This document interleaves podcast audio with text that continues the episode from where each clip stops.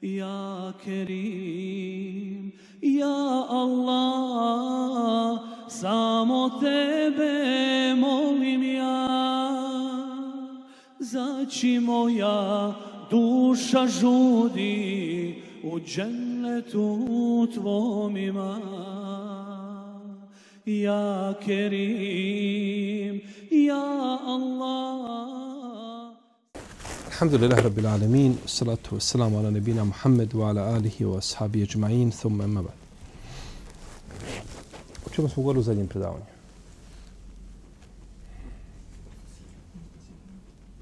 Mm.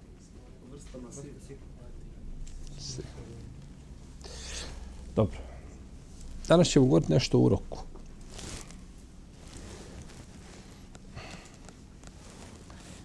Urok je pojava koja može negativno utjecati na ljude i na tu činjenicu ukazuju kuranski i hadijski citati kao i jednoglasan stav islamskih učenjaka onih čije bi mišljenje moglo utjecati na konsensus.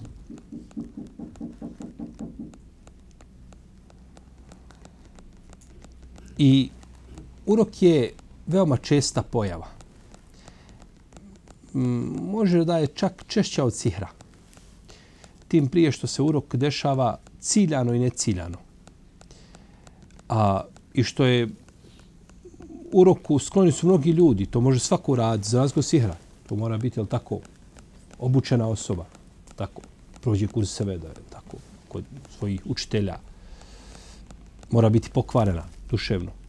A, mora biti pokvareno duševno da čini sir. Za, za razliku od uroka, tu su tako ljudi, ovaj ponekad to čine a, ovaj neželjeno, a to se ipak, jeli, to se ipak desi. Stoga nije sankcija za onoga ko čini sihr i onoga ko čini uruk ista.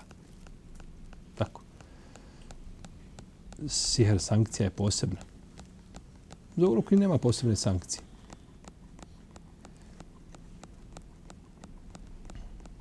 Ne mora doći do fizičkog kontakta ni susreta među ljudima da bi se desio urok.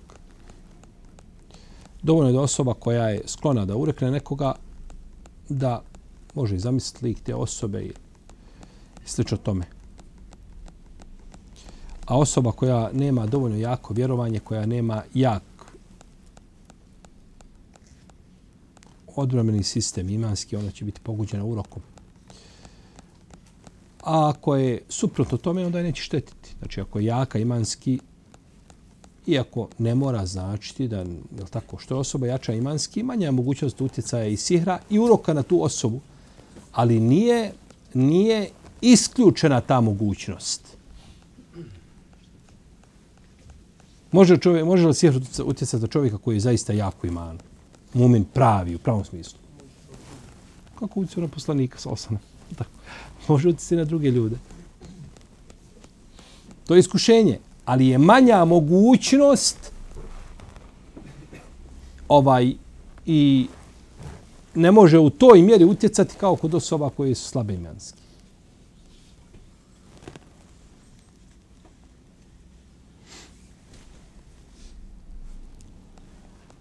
Spomenuo se da neki Arab koji je želio nekoga da urekne, ne bi konzumirao hranu dva ili tri puta. Pa po, kada bi pored njegove kuće e, ne bi konzumirao hranu dva ili tri dana, dobro ogladnio. Pa kada bi pored njegove kuće prolazio čoban sa stadom, on bi zadigao zavisu i kaže, oh, kaže, nisam vidio bolje stoke od ove. Nisam vidio lepši deva ovo. Pa bi odmah jedan dio stada pao na zemlju.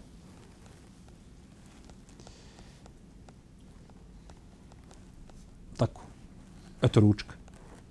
Nije ogladni dobro i što je, jel tako, tada će mu, jel tako, tada mu je i kora hljeba lijepa, stara kora, suha je lijepa.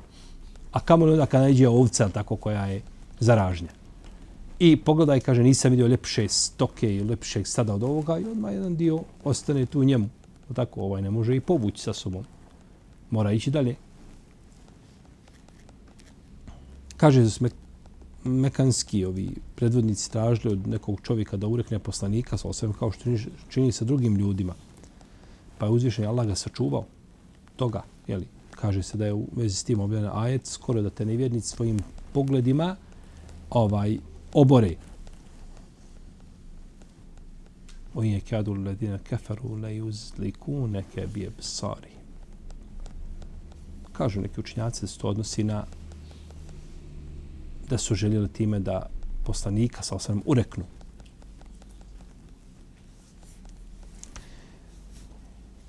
Pogled može negativno utjecati, a vidjet ćemo ovo pitanje pogleda ili, ili duše, zašto se veže sihr. E, oprostite, urok. Pogled može negativno utjecati na čovjeka kada su u pitanju i neke vrste zmija. Ibn Omar prenosi, kako došlo kod Buhari, kod muslima, da je poslanik sa rekao, kaže ubijajte zmije i ubijajte otrovnice s dvijema prugama na leđima i kusorepe otrovnice jer one uzrokuju slijepilo i pobačaj. To su bile vjerojatno vrste zmija koje su bile poznate u to vrijeme. Da li ima danas? Uglavnom ovdje spomenuti te dvije vrste. Da uzrokuju slepilo i pobačaj. A I dok pogledaju čovjek, ne mora biti da ugrizu čovjeka. Dok pogledaju oči, mogu izla, izazvati slepilo i pobačaj. Kod žene. To je, jel, čak Ibn Žeuzi spomenuo u svom dijelu Kešful Muškel da je ovaj, u nekoj iračkoj, ne arapskoj provinciji, da je bilo neke vrsta zmija od kojih čovjek može, mogao umrijeti samo kada ih pogleda ili pođe ili prođe putem koje su one kretale. Jedna vrsta zmija ima, to spominje ko? Ibn Džauzi. Tako da postojalo i takvih čuda na zemlji. Uzvišen je Allah stvorio čovjeka i stvorio mu razno razna iskušenja na ovom svijetu, da čovjek ne pomisli da je ovo mjesto trajnog uživanja. I da ovdje može biti bezbjedan nisi bezbjedan sekunde jedne. Ako si bezbjedan od neprijatelja, nisi bezbjedan od automobila, od kamiona koji ide ulicom, nisi bezbjedan od, od mm, strujnog udara, nisi bezbjedan od, od groma, Ni, nemaš sigurnost nikakve. Ti si samo dobro osiguraju, dobro osigurajućem društvu, tako plati dobro i ti siguran, kaže. U čega siguran? Čega me ti možeš zašto živio? I od čega ti mene možeš zaštititi. Ti meni možeš kada se desi, tamo onda nekakva satisfakcija da bude evo, 20.000 tvojoj porodici, nasljednicima, ne znam. Evo tebi, kupit od kolica, ta, ne moraš tako, naš takama, ne, kolicima imaćeš električna kolica. Ne možeš me zaštiti ničim. Na Dunjaluku nema garancije. Na Dunjaluku, ko želi garanciju na Dunjaluku, on je, on je već sebe omču stavio oko vrata. Čovjek je dužan da se čuva, ali garancije nema.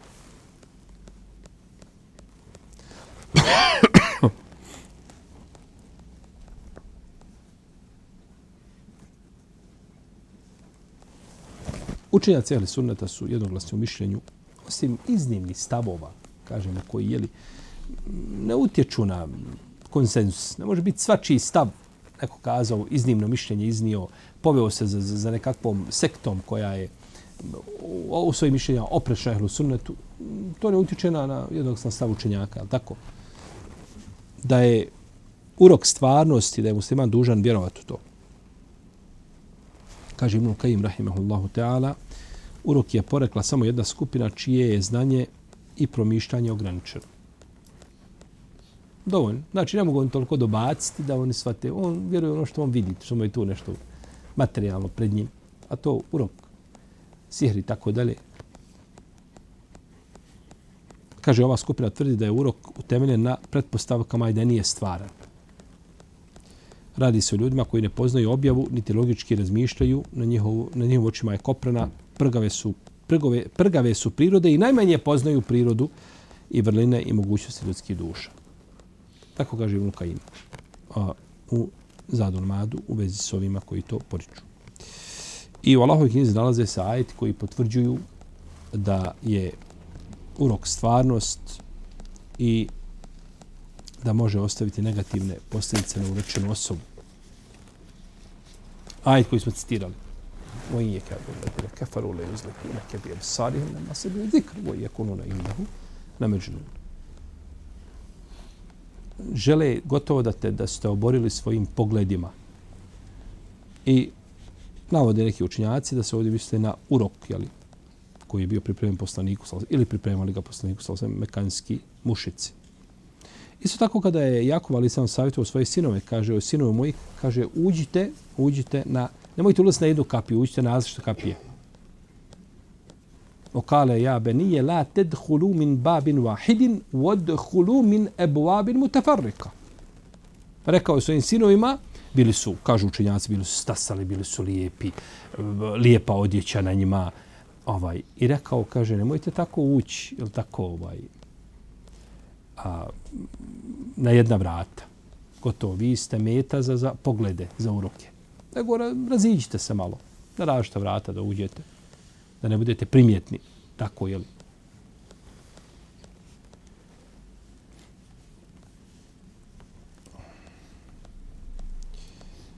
Pa mnogi učinjaci iz prvih generacija smatruju da, su, da se ovim željelo ovaj smisao da je ciljan ovdje uh, urok.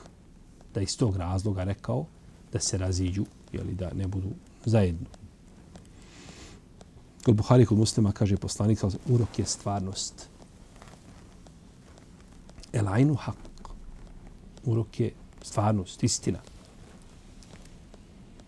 I došlo od kod Ebu Noajma da je poslanik rekao sa osrme, zbog uroka čovjek može završiti u mezaru, a deva u loncu. Čovjek umre, a deva padne na zemlju i trebaš je preklat prije što, je tako, da ti bude halal bar, da je, da je pojedeš ako ništa drugo. Zbog uroka.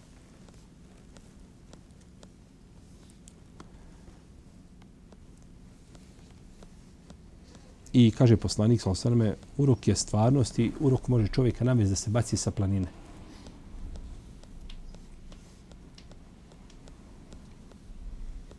Subhanallah, nije islam došao samo da liječi ta čisto uh, pitanja koje stiču obredoslovlja, odnosa prema njegovom gospodaru. Pogledajte kako, kako, do kojih granica ulazi a, zasjecaju propisi dini islama i, i hadisi na što ukazuju da, da te međuljudske odnose koji imaju šta uzrok može šta urok može uzrokovati i kako ga spriječiti i kako ga liječiti nakon nastanka.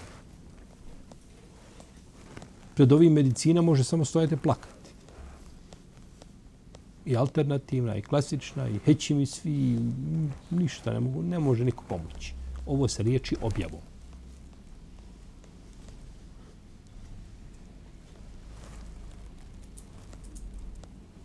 Došlo kod muslima u Sahihu da je poslanik rekao sa urok je stvarnost, da išta može preteći sudbinu, preteko bi je urok. A kada od vas zatraže da se okupate, vi se okupajte. To ćemo od toga kupanje. A kada od vas zatraže da se okupate, vi se okupate. I bilježi imam El Bezar sa dobrim lancem od Džabira radi anhu da je poslanik sa rekao najviše ljudi uz moga umeta nakon Allahove odredbe umire od uroka. Najviše ljudi nakon odredbe umire od uroka. Kažemo baš ovaj smisao što smo govorili urok, urok nije, je tako, ne, ne mora osoba da uči kako da urekne nekoga. Kako za sihr moraš, tu vještinu moraš savladati. Je tako? Ju'allimune nase sihr. Moraš, to je, poučavaju, to je nauka, treba je učiti.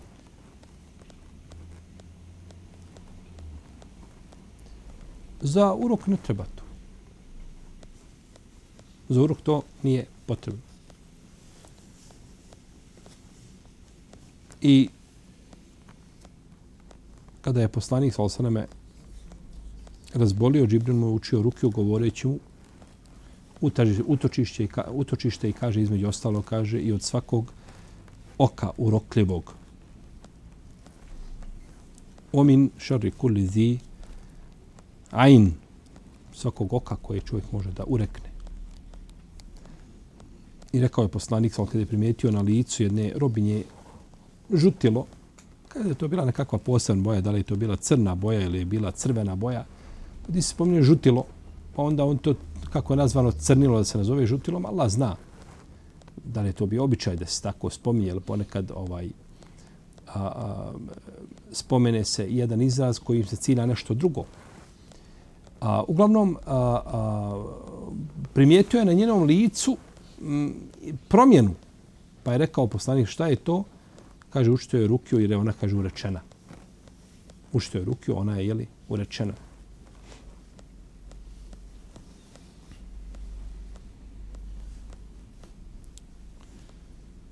I Ajša kaže, naredio me poslanik sa osvijem da učim rukiju zbog uroka.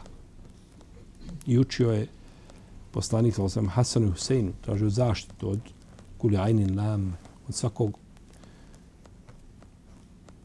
urokljivog oka.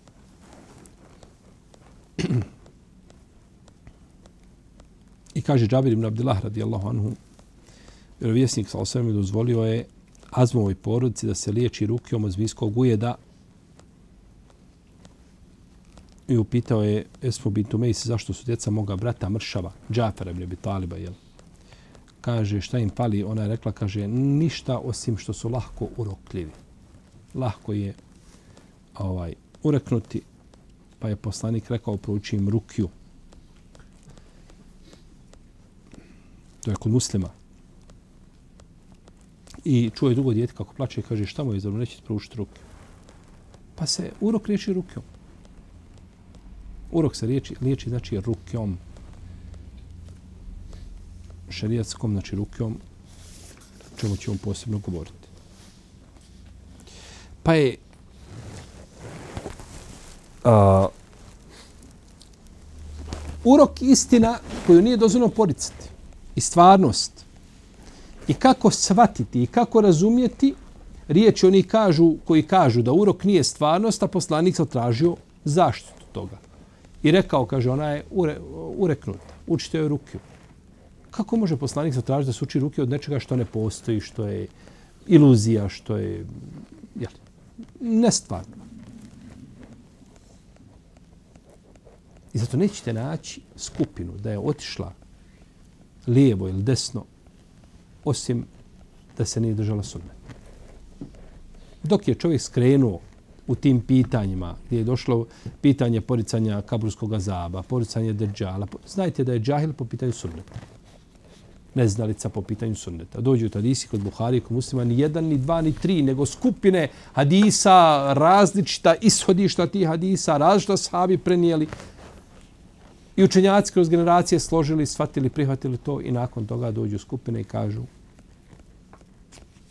nema toga ništa. Kažu, nema kaburskog azaba. Kakav kaburski azab? Kažu, ima pravilo la azab kablel hisab. Nema kazne prije obračuna. Postavili pravilo koje je batil, ne može biti veći batil od toga, izmislili ga, oni, i onda na osnovu tog hadisa odbace hadise, na osnovu tog pravila, batil, odbace sve hadise iz Buhari iz Muslima.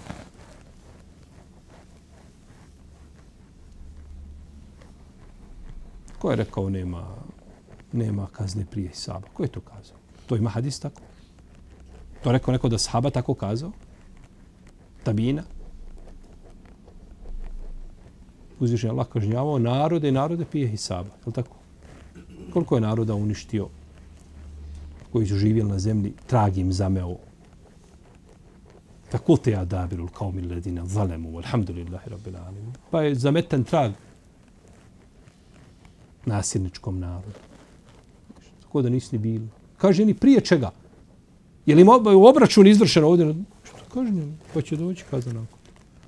Tebi je bitno da je došao. Nema kazne prijatelju prije poslanstva prije dostave, prije poslanice. Oma kunna mu azibine hatta neba se rasula.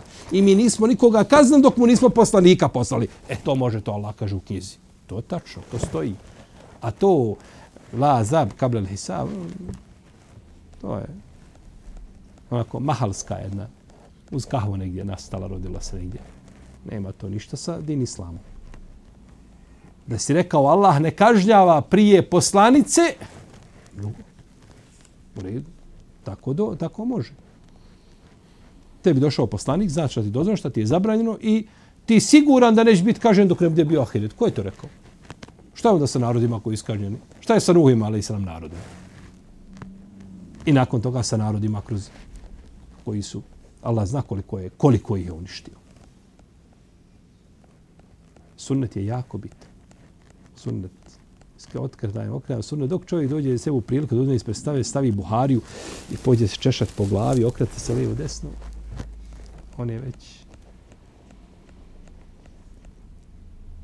presudio sebi. Drži se sunneta i ne boji se. A razum, hoće li razum to shvatiti ili neće razumjeti, pa razum čovjek cijelog života uči opet na kraju udara dlano, da ništa nije naučio. Ne može razum suditi objavi. Razum je da razumije objavu i da se pokori. A nije da se raspravlja sa objavom. I da pokuša oboriti ono što je došlo u šerijatskim tekstovima.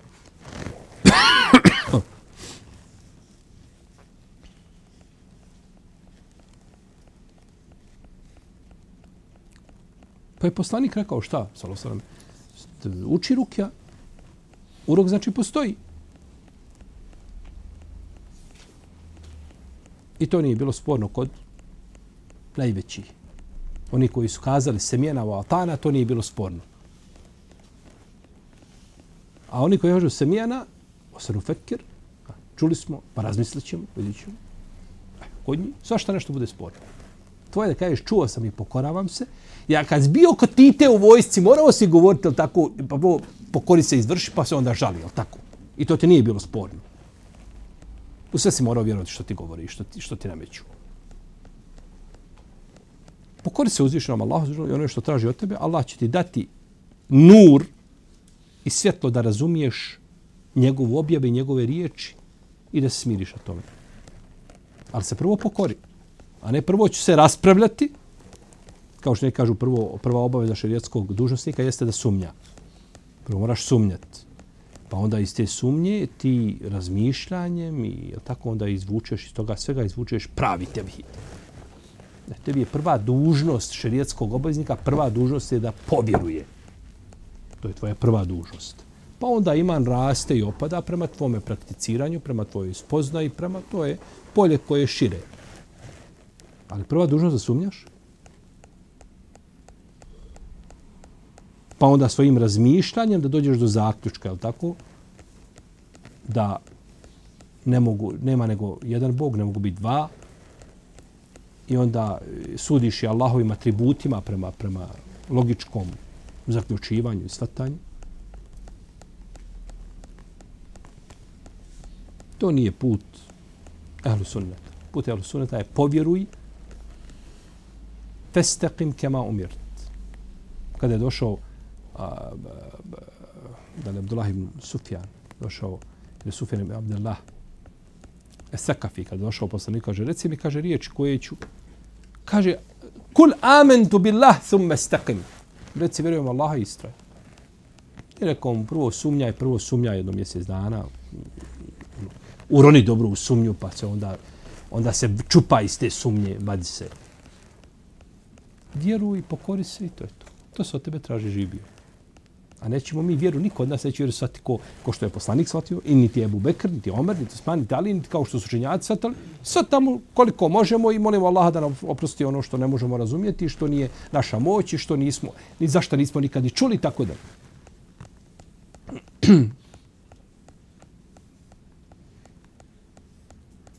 Kaže Ibn Kajim, rahimahullah, ta'ala, jedna skupina ljudi koja ne slijedi uputu Kur'ana i sunneta, niti ima potpun razum, porekla je urok, smatrujući ga iluzijom, a ne istinom. Allah ga nagradio, baš tako.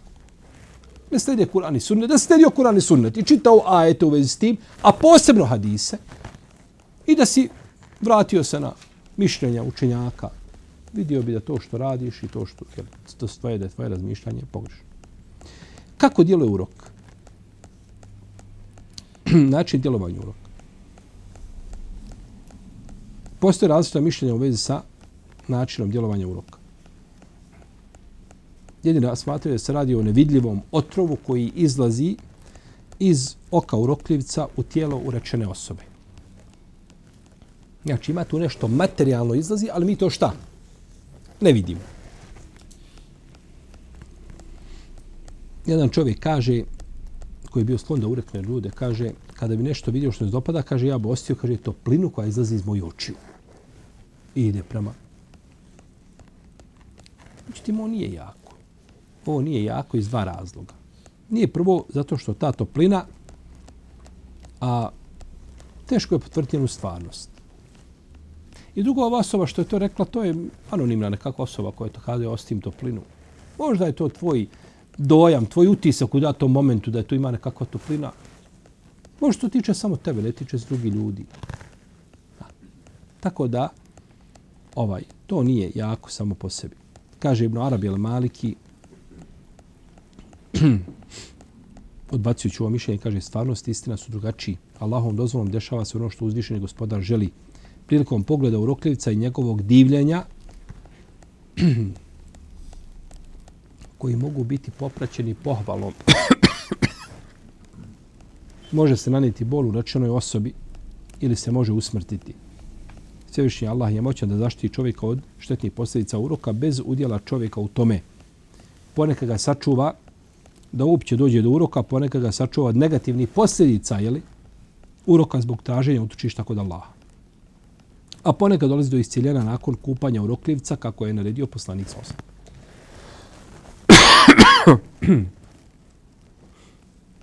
Drugi smatraju da dolazi do uroka bez tog nekakvog materijalnog ovaj uzroka ili posebne veze između dvije osobe. Da je to samo jednostavno pogledi. I da je to zakon koga uzviše na lapo na zemlji, što je više većine ehli sunneta. Većina ehli sunneta smatra da nema to ništa materijalno, da mora nekakva toplina da izlazi, nekakve otrovne strelice iz očiju, nešto, ništa. Nego je to zakon Allahov, Allahov sunnet koji je postavio na zemlji da se tako može, da se može desiti urok. Međutim, šehol sam im kaže da se urok dešava posredstvom duše, a ne oka. Okom se samo gleda ali se to sve realizira kroz šta?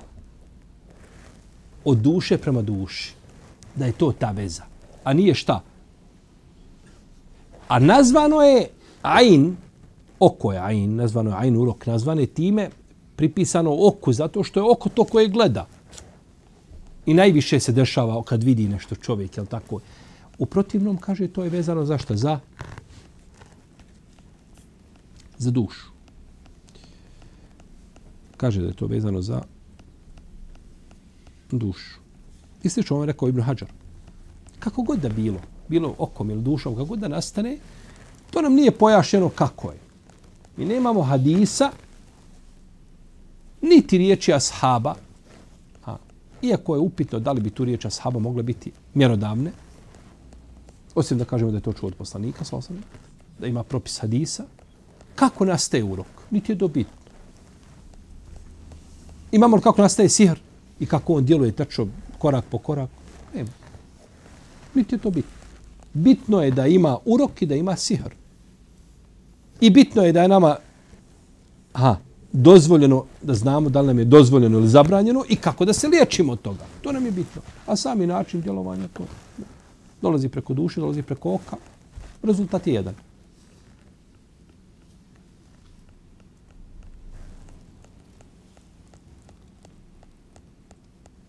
Pa muslimani vjeruju sve ono u čemu ih obavijestio uzvišen Allah i poslanik sa osaname, iako nisu, znači, u svojim razumom ponekad u mogućnosti doži, do, do, dokučiti samu kakvoću jeli, stvari u koje vjeruju.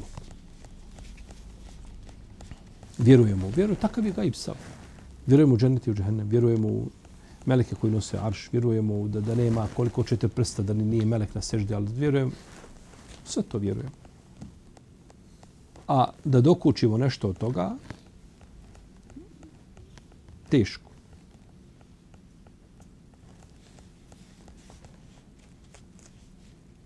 Tamo gdje se traži od nas da znamo, vjerujemo u kakvoću, to nam je pojašnjeno i to znamo kako ćemo ušta i kako.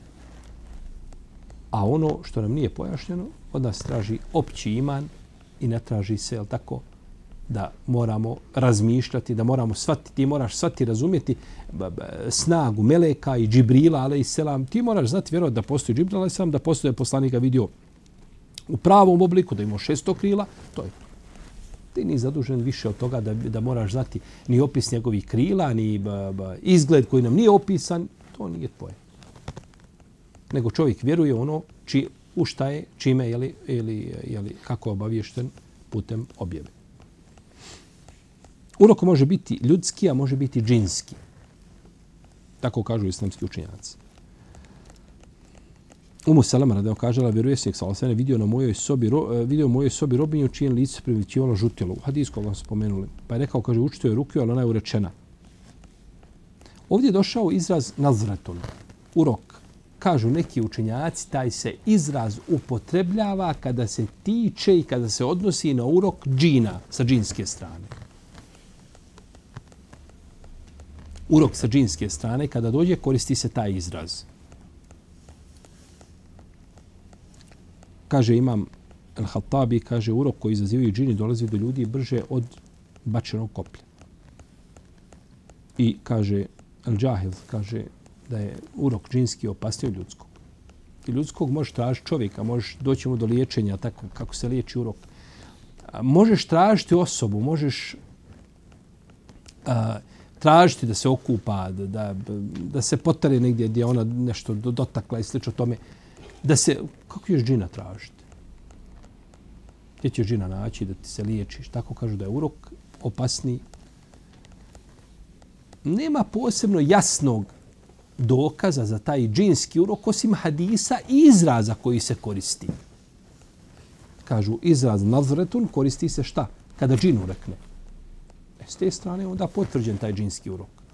Ali da imamo hadis da se kaže ima džinski urok, ljudski urok i tako, nema, nema hadisa koliko znamo u tom kontekstu.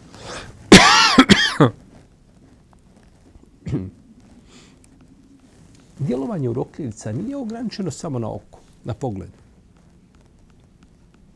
Može biti ponekad da se divi osobi koju zamisli. Znači, ne mora biti da je ona ispred njega ta osoba nego joj se divi našto ako ima nije da urekne, onda je to još opasnije. Jer ponekad se deluje da kad opiše neko nekoga i je tako opisuje ovaj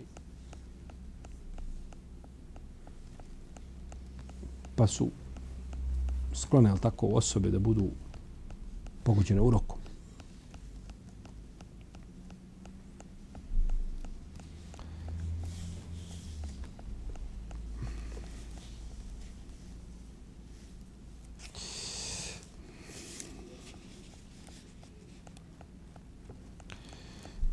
Liječenje uroka.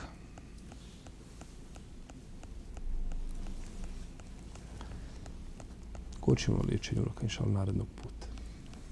Allah se poživi. Allah ta'ala, sallallahu alaihi wa sallam, Muhammed, wa ala alihi wa sahbihi.